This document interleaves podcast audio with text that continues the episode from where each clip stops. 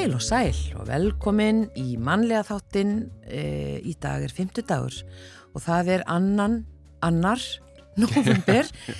það lág svo við að ég segi velkomin og fætur.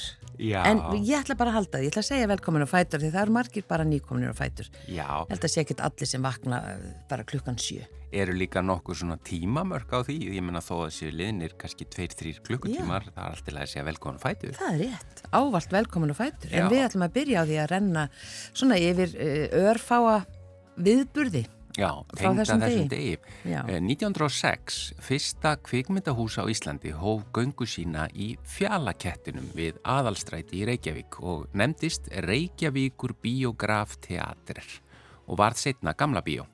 Þegar fjalakötturinn var rifinn 1985 var bíósalurinn talin eitt sá elsti uppistandandi í heiminum. Já, þetta er bara uh, hræðilegt. Já, við rifið að- þetta hús. að Bara. rífa, Hvernig, hvernig datt fólki þetta í hug? Nú, eh, 1913, Morgunblæði hóf göngu sína, stopnandi og fyrsti rítstjóri þess var Vilhjálmur Finnsen. Slísavarnadeildin Þorbjörn var stopnuð í Grindavík á þessum degi árið 1930 og voru stopnfélagar 56 karlar og konur í Þorpinu. Vestlunarmiðstöðin Glerórtorg var opnuð á Akureyri á þessum degi árið 2000. Já, og yfir í efni þáttarins í dag. Já, það hefur komið fram í fjölmiðlum að einmannaleiki sé algengur meðal eldra fólks á Vesturlöndum og stundum er talað um faraldur. Ásker Rúnar Helgason, eh, sálfræðingur, hann tekur undir að þetta sé faraldur og segir að skilgreining okkar á einsemd sé svo að hafa engan til að deila með eh, erfiðum tilfinningum. Og eh, á vefsíðinu Livðu núna er að finna áhugavert viðtal við Ásker og hann ætlar að koma til okkar hér á eftir og bara svona svo fólk viti hvaða vefsíða þetta er. Þá er eh, svona markmið með rekstri þessara vefsíðu að gera líf og störf þeirra landsmanna sem eru komnir um og yfir miðjan aldur sínilegri. Já, eh, við auðvitað á meðan á COVID-faraldrinum stóð, þá fengum við alveg gríðarlega mikið af fréttum á hverjum einasta degi um bara nánast allt sem að við kom faraldrinum. Það voru bara smittölur, samkomu takmarkarnir, tveggjametrareglan, eh, grímunótkun, bólusetningar og, og auðvitað upplýsingafundinni voru nánast upp á hvern einasta dag, voru allan að tvísvar í viku í mjög langan tíma og svona en svo auðvitað eh, eftir því sem að svona hefur minkað uh, þá, þá fáum við færri fréttir en uh, málið er auðvitað að- og við vitum það að, að fólk er að fá ennþá COVID allt í kringum okkur Uh, og við fáum kannski ekki jafn mikið af fréttum og við ætlum bara svona forvitna staðins fá hana Guðruna Aspelund uh, sóttvarnalækni og bara segja okkur frá því hvernig staðan er í dag og hvernig þetta hefur þróast og er, er bara COVID að deyja út hægt og rólega, erum við kannski bara ekki lengur móttækileg fyrir þessum fréttum er staðan slæm einhver staðar í heiminum og, og líka bara hvað er framundan er, er eitthvað svona að vita um eitthvað er eitthvað blikur á lofti eða eitthvað slíkt sko? Já, akkurat. Svo ætlum við að fræðast um námskeiðið þarfir barna á tveimur heimilum hjá Endurmentun Háskóla Íslands. Á þessu námskeiði verður fjallað um líðan barna sem búa á tveimur heimilum og álæði sem því fyrirkomulagi getur fyllt. Og þau koma hingað Ragnir Lára Guðrunadóttir og Davíð Alexander Östergård sem standa að þessu námskeiði. Já, en við byrjum þáttinn á tónlist eins og alltaf. Já, það er lag eftir Sigfús Haldursson og uh, texti uh, eftir Tómas Guðmundsson. Og þetta lag samti Sigfús þegar hann var 17 ára gamall.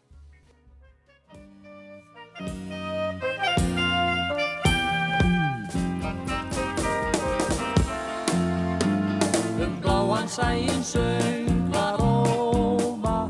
Því sumarið er komið ástin mín Og aftur stendur allt í blóma Af ungri gleði jörðin stýr Og því skal fagnað heitu hjarta Og hylla þennan fara ljúfa dag. Og út í híminn heiðið bjarta skal hefjast okkar gleði lag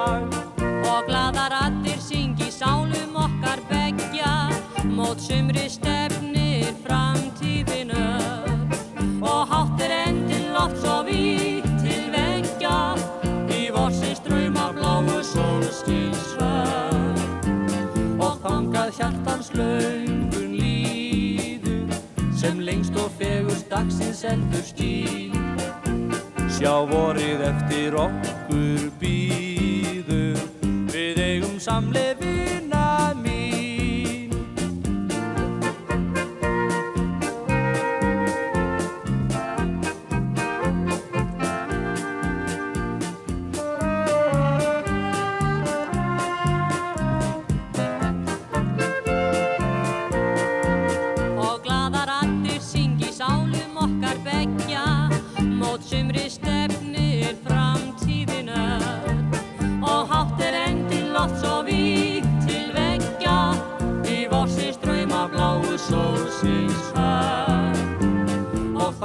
hjartans löngun líður Sem lengst og fegurst dagsins eldur stýr.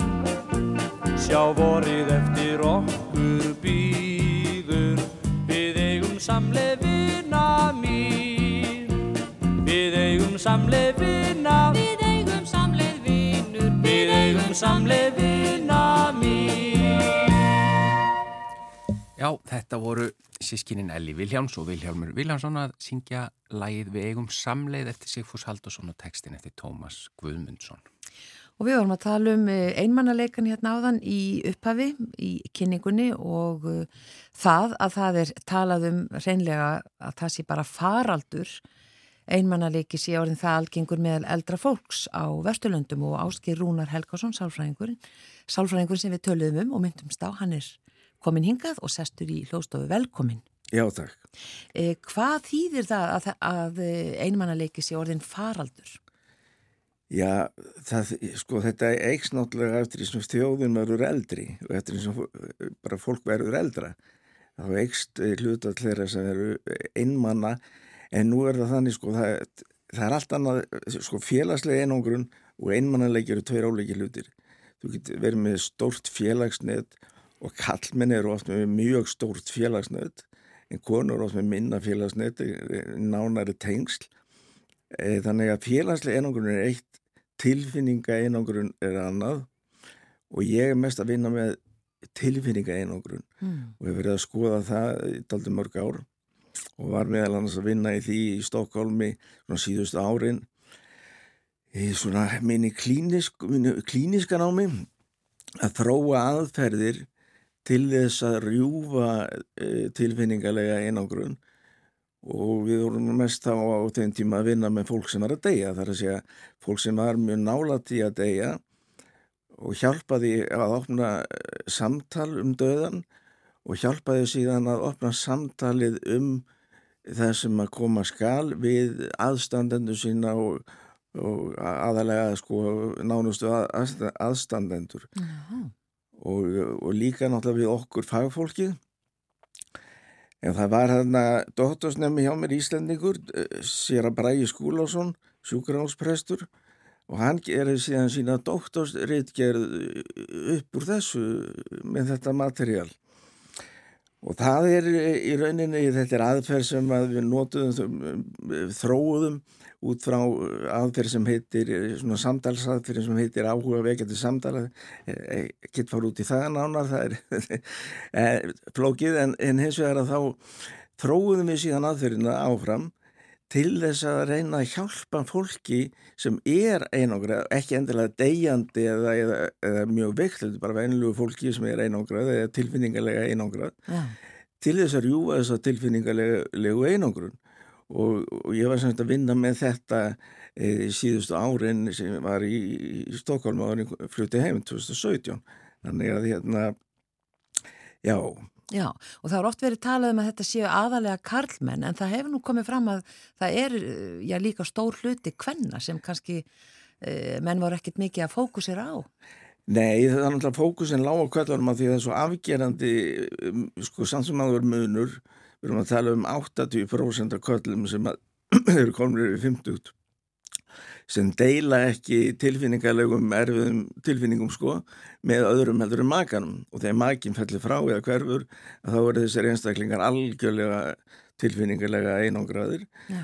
e, en svo þegar við fórum að skoða konuðar og það var Unnur Valdemarsdóttir sem professorinn við HÍ núna og eru dóttastammi á mér og í Stokkólmi og hún fyrir að skoða, við settum sömu spurningar í listana hennar og skoðum konundar í, í Svíþjóð og það kom okkur bara glettilega óvart hvað voru hlutastlega margar konur í þessum hópi. Það var nánast sko 45% það er þessi nánast helmingur hvenna eh, með að við 80% skalla sem, sem, voru, sem kom á óvart? sem kom mér á óvart. Já, ég við ekki náða, ég er svo mikla fórdóma sko, að ég verði alveg samfærið um það að allar konur verði að dæla um sín dýfstu vandamál við einhverju aðra eða tvær vinkonum sínar eða, það er, er ekki þannig. Nei. og þetta er að breyta sér konum það er að aukast þessi tilfinningarlega einangrun. Og það, það verðist haldast í hendur við til dæmis að konum taka meira að sér stjórnunastöður og eh, fylgjur á stjórnarnastöðum og fólk svona einangra sig, setur hún sér skell það getur verið einskýringin en, en svo er náttúrulega skýringin svo að, að með aldrinum að þá týna vinið í tölunni og makinn fellur frá og konur verða eldri en kallar þannig að það er sko með tímanum þá verða það ansi margar.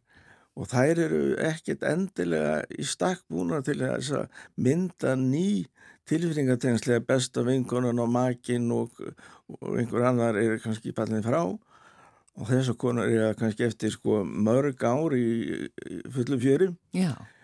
Og, og það þarf sennilega að prófa aðferðir til þess að eh, kenna fólki að taka sjensin og byrja að opna fyrir ný sambönd Já, eh, akkurat. Já. Og mér finnst ekki merkilegt að því þú segir að sko fjöldi endilega, já vinana skiptir ekki máli eða sko þar að segja þessi félagslega hérna sko aktivitet vegna þess að kalla geta átt sín, sína klúpa og verið mjög aktivir að hitta aðra kalla já. en deila ekki svona þessum hérna erfiðu tilfinningum. Nei. Þannig að það er ekkit sama sem merki á milli þess að þú ert minna einmanna eða þú ert svona félagslega aktífur. All, alls ekki sko.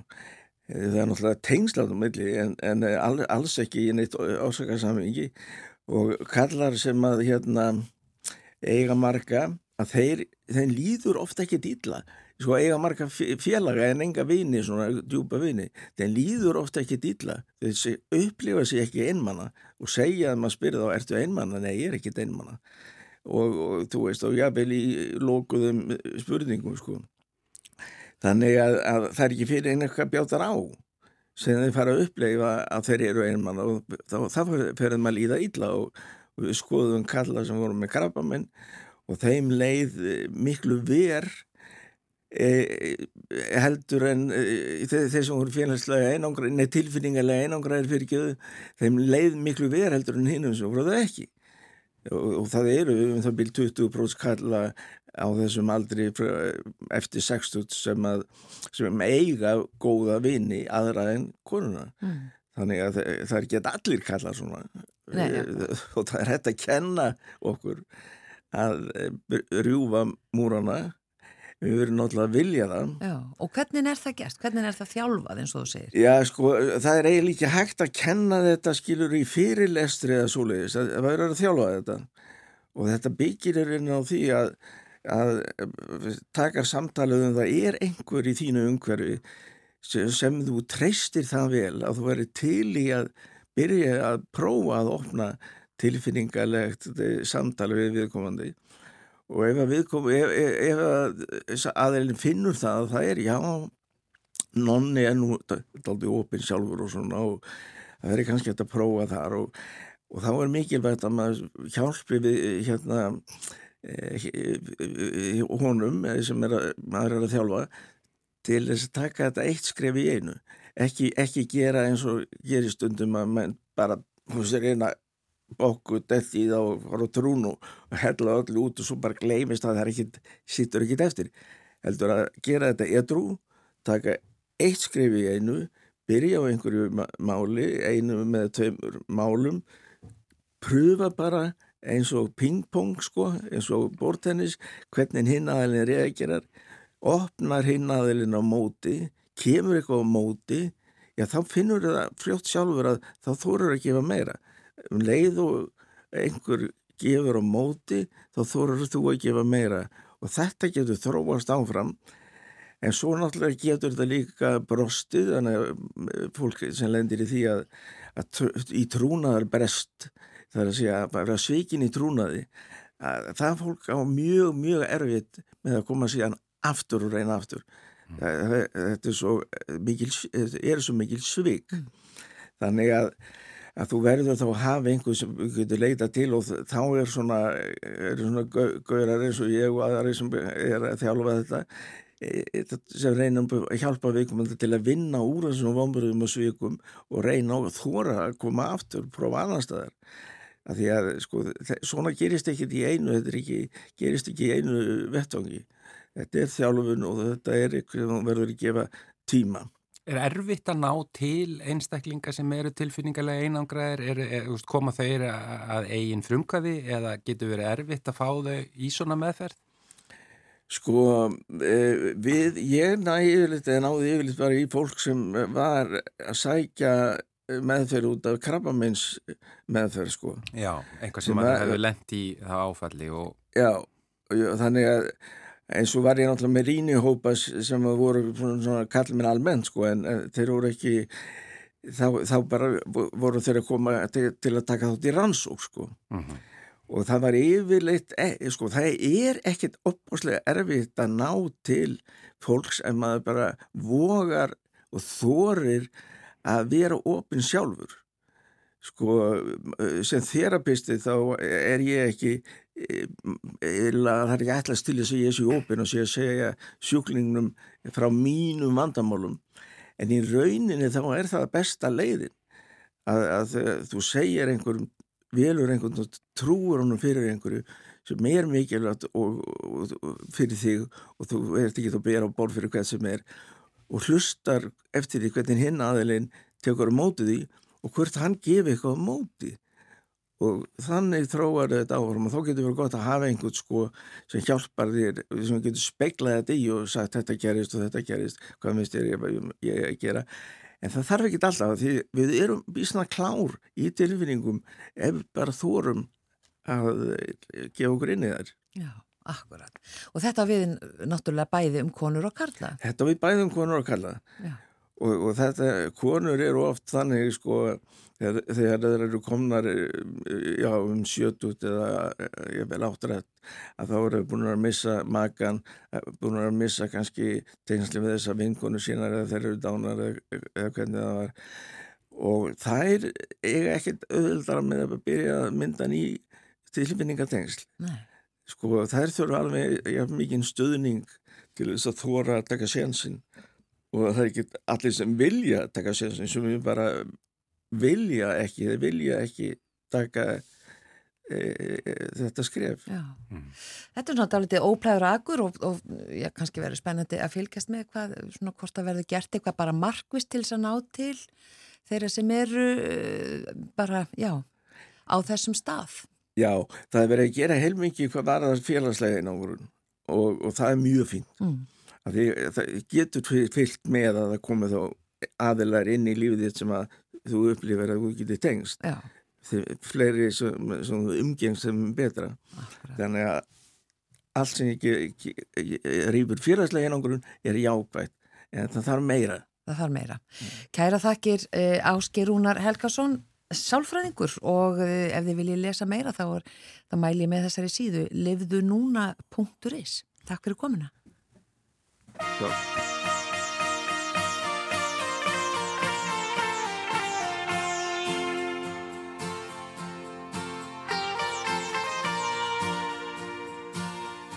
I have a dream,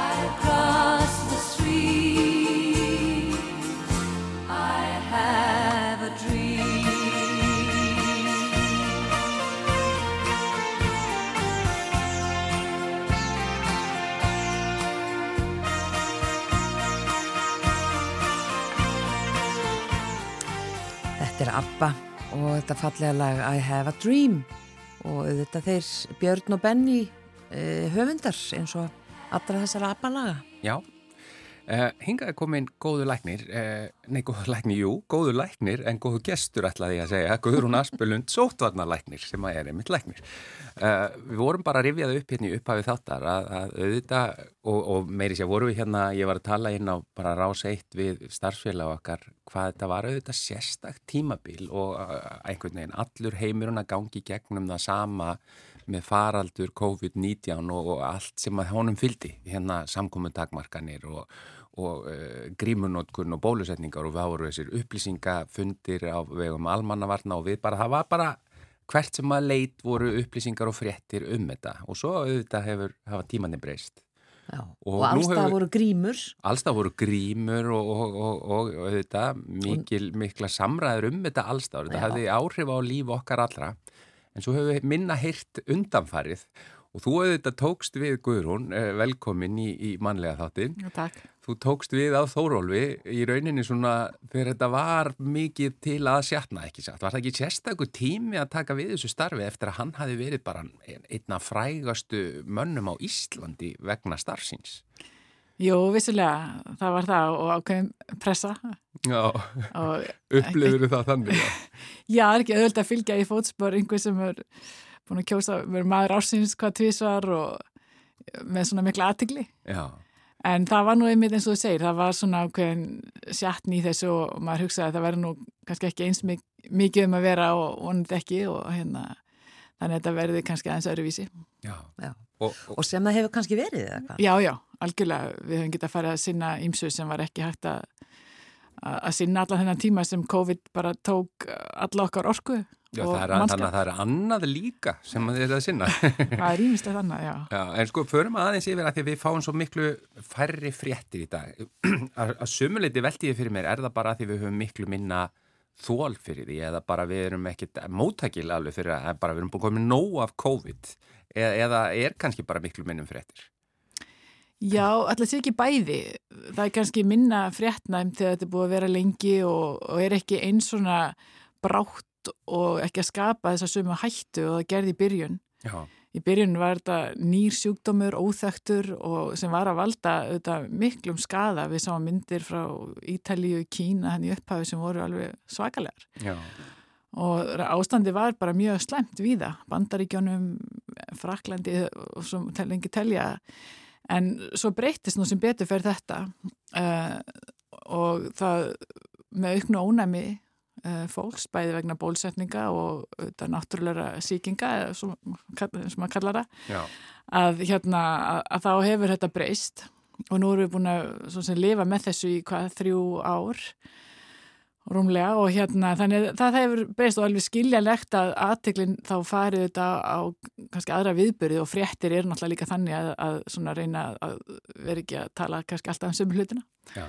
En þess er, að fólk séu að því líka. En er sko talandum mögulega óþól eða við sem ekki jafn, opinn fyrir fréttum og svona ef að það væri að koma einhver svona eh, eitthvað hvað sem var eh, einhver alvarleg alda eða flóðbylgja eða eitthvað eða veist, það væri að fara að stað eitthvað heldur að það væri erfiðara aftur að fá einhvern veginn eða myndi kannski vera bröðist allt öðru í sig við í dag en, en var á sínum tíma það er þið bröðist öðru í sig við að því að nú þekkjum við þennan sjúkdóm. Ef að er þið allt í einu mikil aukning á tilfellum eða tilfellum væri miklu alvarlegri þannig að er þið meir um innlagnir eða veikindi, andlát eitthvað slíkt. Uh, en svona í grunnatriðum væri það kannski ekkit svo ólíkt því að það er náttúrulega ákveðin viðbröð sem við þekkjum og sem við notum til að bregðast við svona hættum sem smittsjóttumur getur verið. Um, en jú, vissilega held ég samt að væri ekki alveg eins því að við höfum lært mjög mikið og við höfum líka ennur tæki núna. Það er náttúrulega ekki þetta að líta fram hjá því að búa að bólusetja uh, bara mjög marga og, og það eru margi búnir að fá sýkinguna þannig að þól fólks er annað. Uh, heilbríðiskerfi þekkir sjúkdóminn, hvernig á að meðhendlan, við höfum liv sem koma sumum að gagni. Þannig að við höfum svona önnur tólu tæki heldur en við höfum í byrjun. Plús lærdómin að, að aðgerðunum, kannski hvað við uh, þurfum að gera og, og hvað uh, virkar. Og svo erum við svo fljóta að gleyma sko. ég, ég viðkenni alveg að þanga til bara fyrir stuttu síðan var ég bara búin að, já þetta er bara búið, þetta er bara, það er engin að pæla í þessu lengur, en svo allt innum fór fólk að smi, smitast allt í kringum mig, það er að segja, það er talsvert og við bara, guðrum voru Bæði. myndi, já við höfum bæði fengið COVID núna nýlega, ekkit alvarlega, bara uh, svona eins og flensa, uh, en, en það virðist vera talsvert útver, útbreytt smitt, er, er einhver staðar fólk að smittast alvarlega, ég meina er fólk ennþá að deyja völdum COVID og er eitthvað staður í heiminum það sem er jafnvel bara slæmt ástand? Fólk er ennþá að deyja í heiminum af völdum COVID. Já, það eru einhver þúsund döðsföll tilkynnt til WHO, hérna allþjóða heilbyrðismála stofnunar um, í hverju viku. Já, Það er ekkit skilda að gera slikt og það eru kannski helmingun á löndum eða tæplega sem er að, að annarkvort að byrta eða tilkynna slikt. Uh, það eru mikill meirlötu landa hins vegar að annarkvort að byrta eða tilkynna smittölur, allan yfir 90 lönd ennþá. En ég meina það er ekki verið að, að, að, að fólk er ekki að taka prófin eins mikið og það var að Nei, ymmit og við náttúrulega eh, erum með próf ennþá hér landi Já, og það eru klárlega miklu færri próftekin þegar þetta er aðalega inn á sjúkrastofnunum uh, og heilbriðstofnunum, heilskestlunni líka uh, en miklu færri en voru áður. Og um, það er, er það sama í Evrópu, við fylgjum svolítið mest með Evrópu og stöðun í Londonum þar Uh, og það er sama sagan uh, en svo fyl- fylgjastu líka með innlögnum á sjúkurás því þá segir okkur til um alvarleikan og það er kannski það sem skiptir mestu máli núna. Já. Eru margir innlíkjandi með COVID núna? Það er alltaf nokkrir en ekkert svo margir, nei og það hefur verið bara mjög stöðugt svona undarfærið uh, hér á landi og í Evrópu er svona kannski í helmingina löndunum eru einhver, einhver aukning en ekki í hinnum og það er svona sama má segja um, um smittölunar. Þannig að þetta er svona ímist. Já. En ég held að þessi margir eins og þið sem að þekkja fólk eða hafa sjálfur lendi í þessu undarfæri að fá COVID því að vissulega er þetta enn í gangi. Já, og við höfum séð svona undarfærna vikur þetta mjög svona svipaðan fjölda sem er þó að greinast í þessum prófum sem eru gerðar, gerð. En að því að sko það var enginn sem sagði mér að fara í próf, ég bara fór og kefti próf og, og svo vissi ég ekkert hvað ég átt að gera með þar upplýsingar heldur sko. Og, ég, og þá bara spyr ég að því að ég hugsa bara já, já, já, þá veit ég það allavega, ég var með COVID eh, en hefði ég er að því það var auðvitað, það fór í svo margar áttir allt þetta með hérna sóttkvína og allt það, ámar eitthvað að halda sér lengur inni ef maður mælist með COVID en ef þetta væri bara um venjulega flelsu eða má maður fara á stað og mæti vinnu bara þegar maður, manni líður þannig að maður, maður sé orðin og nokkuð frískur. Já, sko það er engar skildur lengur, það er engar reglur eða ofinbyr bóð og bönn. En svona bara sem er mæl, mælst Já, einmitt, en við mælum alveg með því að fólk haldi sér til hljés. Um, hvað þetta er mjög smitandi, Mhm. þannig að þú ert á ferðinni og með enginni og, stuttu eftir þú greinst að, að þá er náttúrulega líkur á því að þú smitir aðra og sumir eru í áhættuhópum, maður veit kannski ekki alltaf hver og þannig það eru einstaklingar sem geta orðið mjög illa úti uh, að því að fá sýkingu. Uh, þannig að það er ástæð til þess að halda sér til hljés og, og passa hverja maður umgengst og, og mér finnst alveg full ástæð til að vera heima í nokkra daga ef það er hægt og það var svona miða við fimm daga þegar við vorum með síðast með reglur og ég held að það sé alveg ágætt viðmið en líka að fara eftir einkennum Mm. Þannig það er svona miða við að vera nokkuð einkennlaus og svona fimm dagar frá byrjun einkenna að þá eru allavega miklu minni líkur á þú sést smittandi heldur en var áður. Já. Og ástæðan fyrir því að við viljum ekki smitta aðra, við viljum náttúrulega ekki smitta aðra á kvefið og influensu heldur kannski, en COVID hefur verið valdi verri veikindum. Það er bara herri dánatíðni og meirum alvarleg veikindi heldur en til dæmis af influensu almennt. Þannig að þess vegna hefur nú verið svona að, að halda þessum tilmælum áfram. Já, en aðeins kannski aðeins sko bólusetningunum, er þetta sama bóluefni sem er verið að nota núna og, og kom fram uh, í vor? Þetta er svona í grunninn sama bólefni en það Já. hefur verið uppfært uh, fyrir því afbreyði uh, sem er endar uh, ríkjandi afbreyði núna.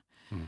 Það, það eru fjölmörg afbreyði í gangi þau eru öll ómikrón afbreyði en þetta XBB.1.5 þetta er ná mjög tækli nöfn uh, það er búið að vera ríkjandi alveg síðan í vor. Og þetta bólefni sem við erum að nota hérlendis engöngu er sagt, uppfært bólefni miða við það afbreyði þannig að mótefnin uh, sem er líka myndar þá við að fá bóluefnið uh, ætti þá að virka og hefur sínt sig að virkar að- aðeins betur gegn því en það virkar ennþá gegn þessum fyrri afbreyðum líka. Já. Og þið mæli með eh, sagt búst bólusetningum fyrir hvað 60 ára og eldri eða bara þá sem finnast þeir þurfa þess eða eitthvað slíkt? Það eru tilmæli til ákvæðina hópa og sem það þýðir að þá er það hluti af almenni bólusetningu og er þá gjaldfrálst uh, fyrir þá hópa. Já og það er einmitt 60 ára og eldri og svo ákveðnir áhættu hópar sem eru það fólk með ákveðnu undirlíkjandi sjúkdóma þar sem hefur sínt sig að, að fólk verður fyrir meiri veikindum og í meiri hættu jafnvel andlati ef þau fá COVID. Já. Og nú er influensusbreytanir, hún ekki fara í gang? Jú, hún er líka komin uh, og það er svona árlega við bjóðum bólusetningu gegn influensu og það eru þá í rauninni mjög svipaðir hópar uh, sem eru tilmæl þarum og hefur verið lengi. En hvað, ég ætla ekki að eh, sitta því einhvern veginn í þá stöð að þurfa að vera spákona hér. En, en eru einhverjar blíkur á lofti eða er eitthvað framundan sem við höfum áhyggjur af? Ég, ég menna bara út frá þessari erfiður einslu sem við öll gengum í gegnum í, í, á, á COVID-tímanum. Sko það er enga sérstakar blikur á lofti finnst mér núna uh, en það má búast við aukningu á þessum öndunafæra síkingum í vetur uh, því það gerist á vetuna hérna í okkar heimsluta. Mm. Þannig að við fáum venjulega influensu árlega uh, sem er faraldur því að hún fer yfir ákveðið svona viðmið þannig að þetta eru meira en nokkur smitt sem er að greinast og ákveðin tíambili og þetta er svona venjulega hefur þetta verið svona uh, rétt kannski fyrir jól og, og fram yfir jól og jafnvel fram á, eitthvað fram á vorið svona og það sem uh, má það búast við núna til viðbótar er það að það er- verði aukning á COVID-smittum jafnvel og, og síðan um, þessi svo kallar RS-veiru sem kemur líka á vetuna Mm. og þegar þetta allt fer saman þá getur þetta bara valdið þó nokkrum veikindum og, og svona álega kerfin hjá okkur já. þannig að þetta er það sem á búast við en það er ekki neinar aðrar sérstakar blíkur á lofti finnst mér Já, það er nú gott að heyra. Guðrún Aspelund, uh, sótvarnalæknin, takk einlega fyrir komin í manlega þetta. já, takk fyrir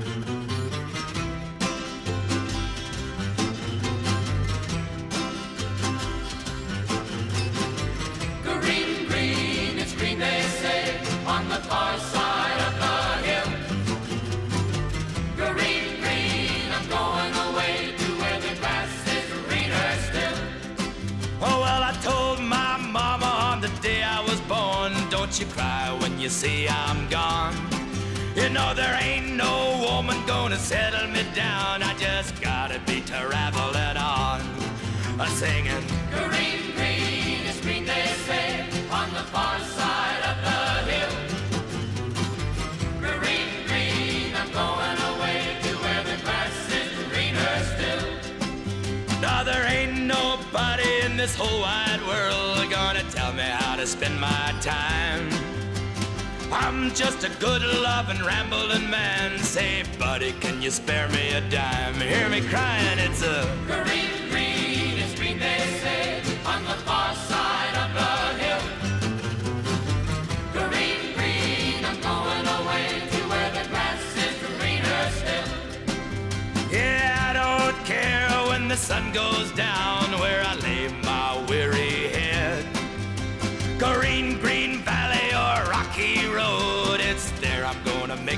bed easy now.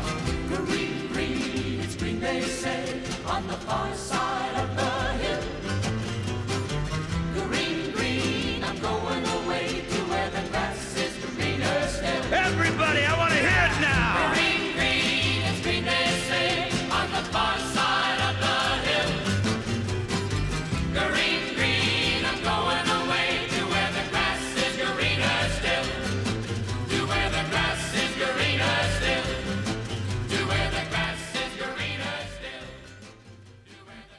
Já, þetta lag heitir Green Green með hljónstinni The New Christie Minstrels en það er komið að næsta efni hjá okkur og hingað eru komin Ragnæður Lára Guðrunardóttir og Davíð Alexander Östergard.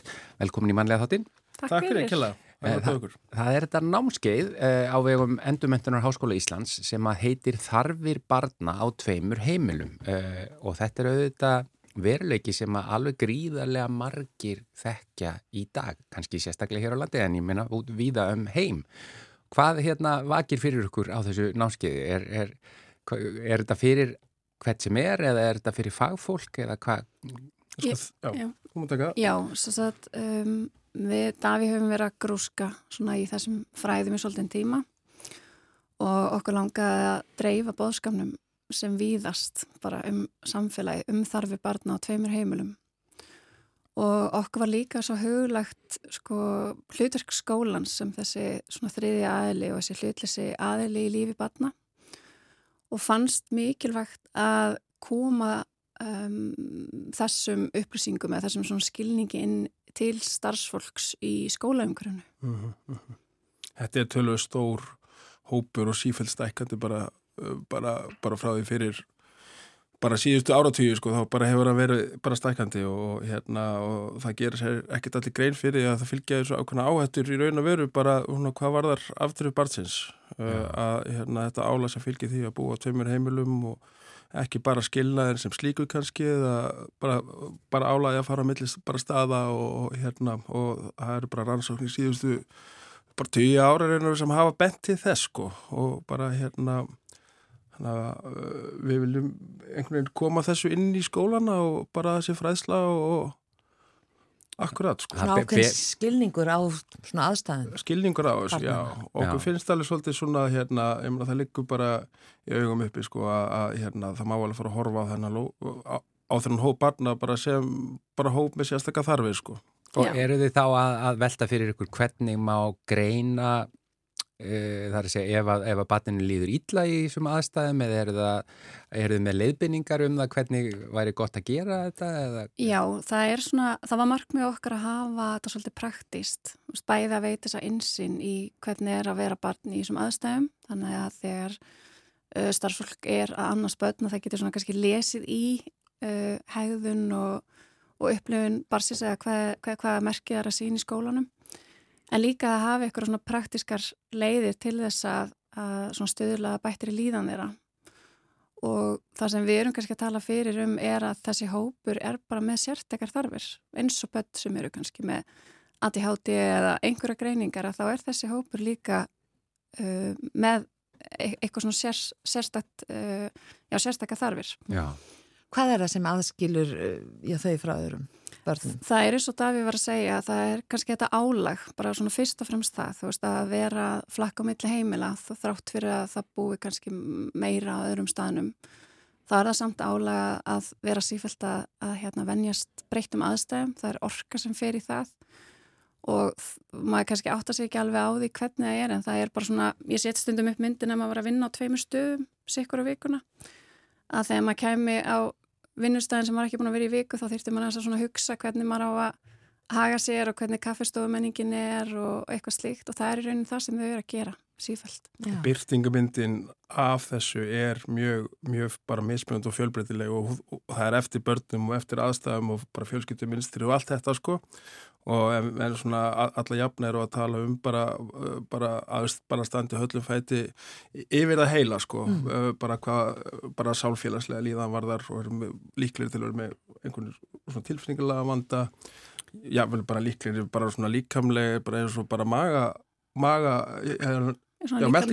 já, svona eða húðvandamál og eitthvað svona, þannig að þetta byrtist það bara í alls konar myndum ef, svona ef maður tekur stóran hóp og skoða meðatala þá, þá er það svoleið sko. Já, rannsóknir svona síðustu bara ára tíu á þessum börnum hafa sínt fram á að, að þeir standa svona kannski aðeins hallar í fæti heldur en önnu börn sérst í, í hérna hjóna eða sambú fóreldra og svo síst standa þau sem eru í tengslum bara við annað fóreldri eða mest við annað fóreldri. og, og eða ef, ágreiningur er mikill Ég ætlaði að mynda að spyrja Það hlýtur að mikil áhrif. Já, það er það- það- breytan sko. En, en, en það þarf samt sem áður að hafa í huga þó að það sé allt í góðum málum á milli foreldrana og allt slíkt að þá er samt uh, viðkvæm staða. já, Já, já, já. og þetta er svo ótrúlega mikilvæg punktur að því að fóreldrar oft, bara held ég oftast gerir þetta bara mjög vel og hafa samskiptin góð og allt í fínasta lægi en þetta er samt álag og þetta er álag sem er meira en kannski jafnaldra þeirra eru að takast á við, þú veist, ennur bækja sískinni sem búa einu heimili. Mm. að því þau eru líka að muna eftir þú veist, að bera kannski að milli eitthvað skilaboð reyna að muna hvort að þau hafi glemt sundóttinu, þú veist, hjá mömmu eða hvort það sé hjá pappa. Og hvernig er það aftur, þú veist, þegar ég er á þessu heimili má ég leika við þennan vin eða á ég að koma beint heim eða eitthvað slíkt En þetta er líka bara að því þú segir sko uh, krakkarnir í kring og svona, nú er þetta orðið svo algengt að þetta er mm Mhm. örgulega ansi há prósenta í bara skólum í Mhm. dag, ekki satt, að því að þegar ég er yngri þá var þetta mjög óalgengt Einmitt. í rauninni. Já, En, en hjálpar það mögulega krökkunum að bara félagarnir séu í svipaðri stöðu og haldið að krakkarnir tali saman um þetta sína á milli?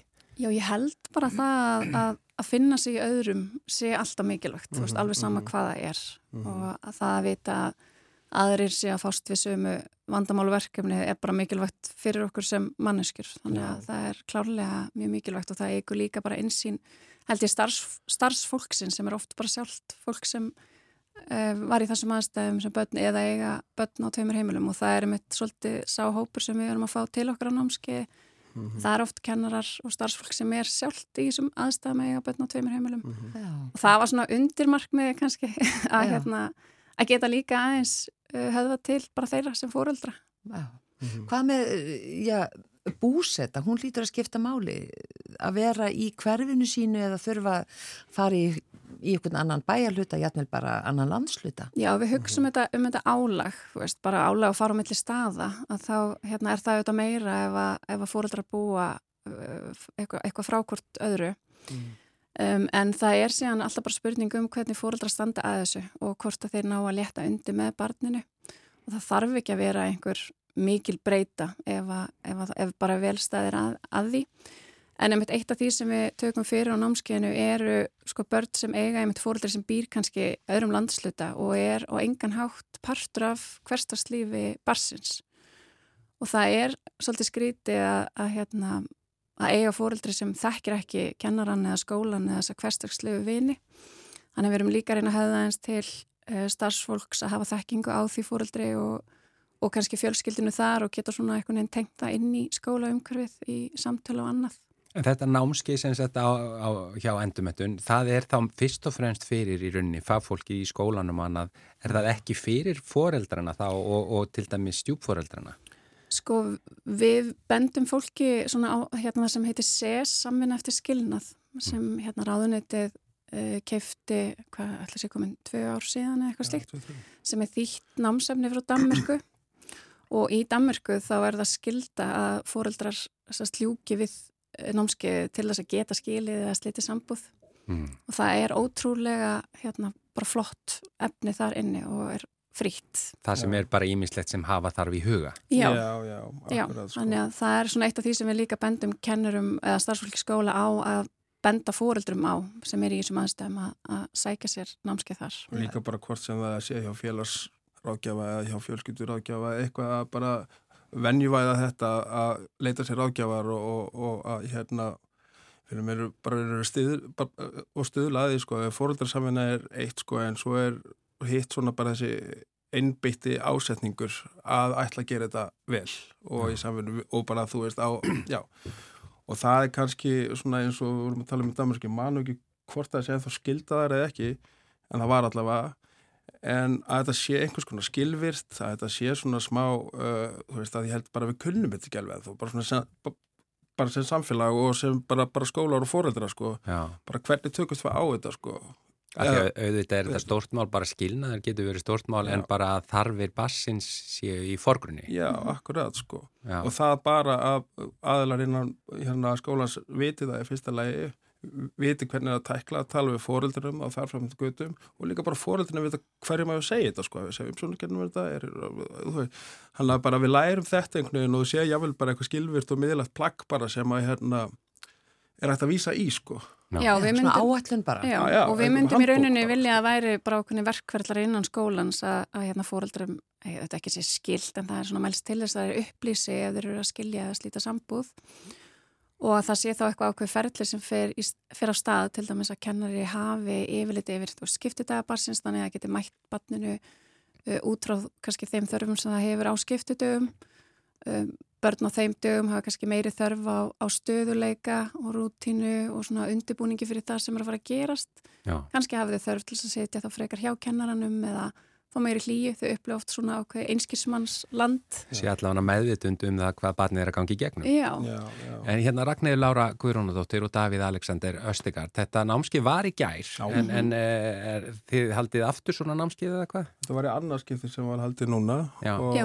þannig að það, ég ger ráð fyrir því. Það Já kemur bara við, í ljós. við viljum bara koma þessu út um allt, inn í allt Okkur langar bara inn í skólana sko og bara vera með fræðslu þar á starfstöðum og svona sko. Já. Það er svona, væri gott, bara, Ah, bara tala við sem flesta sko. Spurning, ekki spurning. Takk ykkur innilega fyrir komuna í mannlega þáttinn. Takk, Takk kærlega fyrir að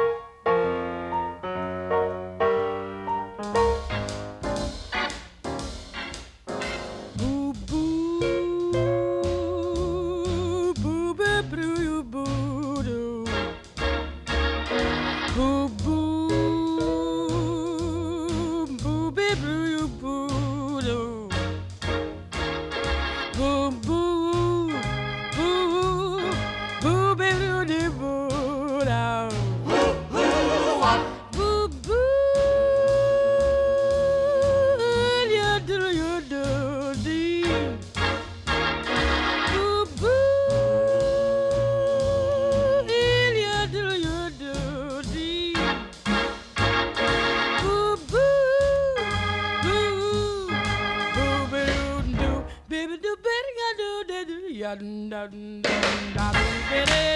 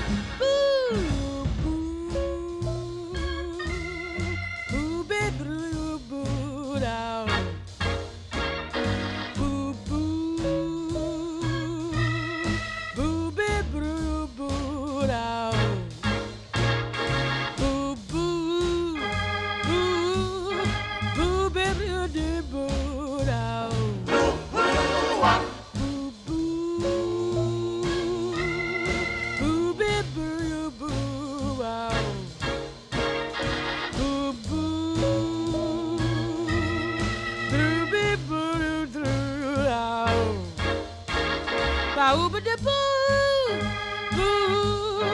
boo, boo, boo,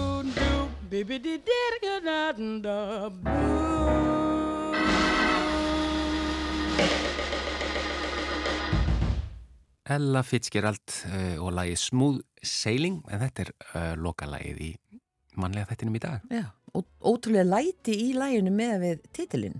Já, já. þú hugsaður um það. Einmitt rangnefni kannski á læginu, allavega endirinn, en þetta var svona smá öskutuna endir, sko. Já, já, þetta var skemmtilegt.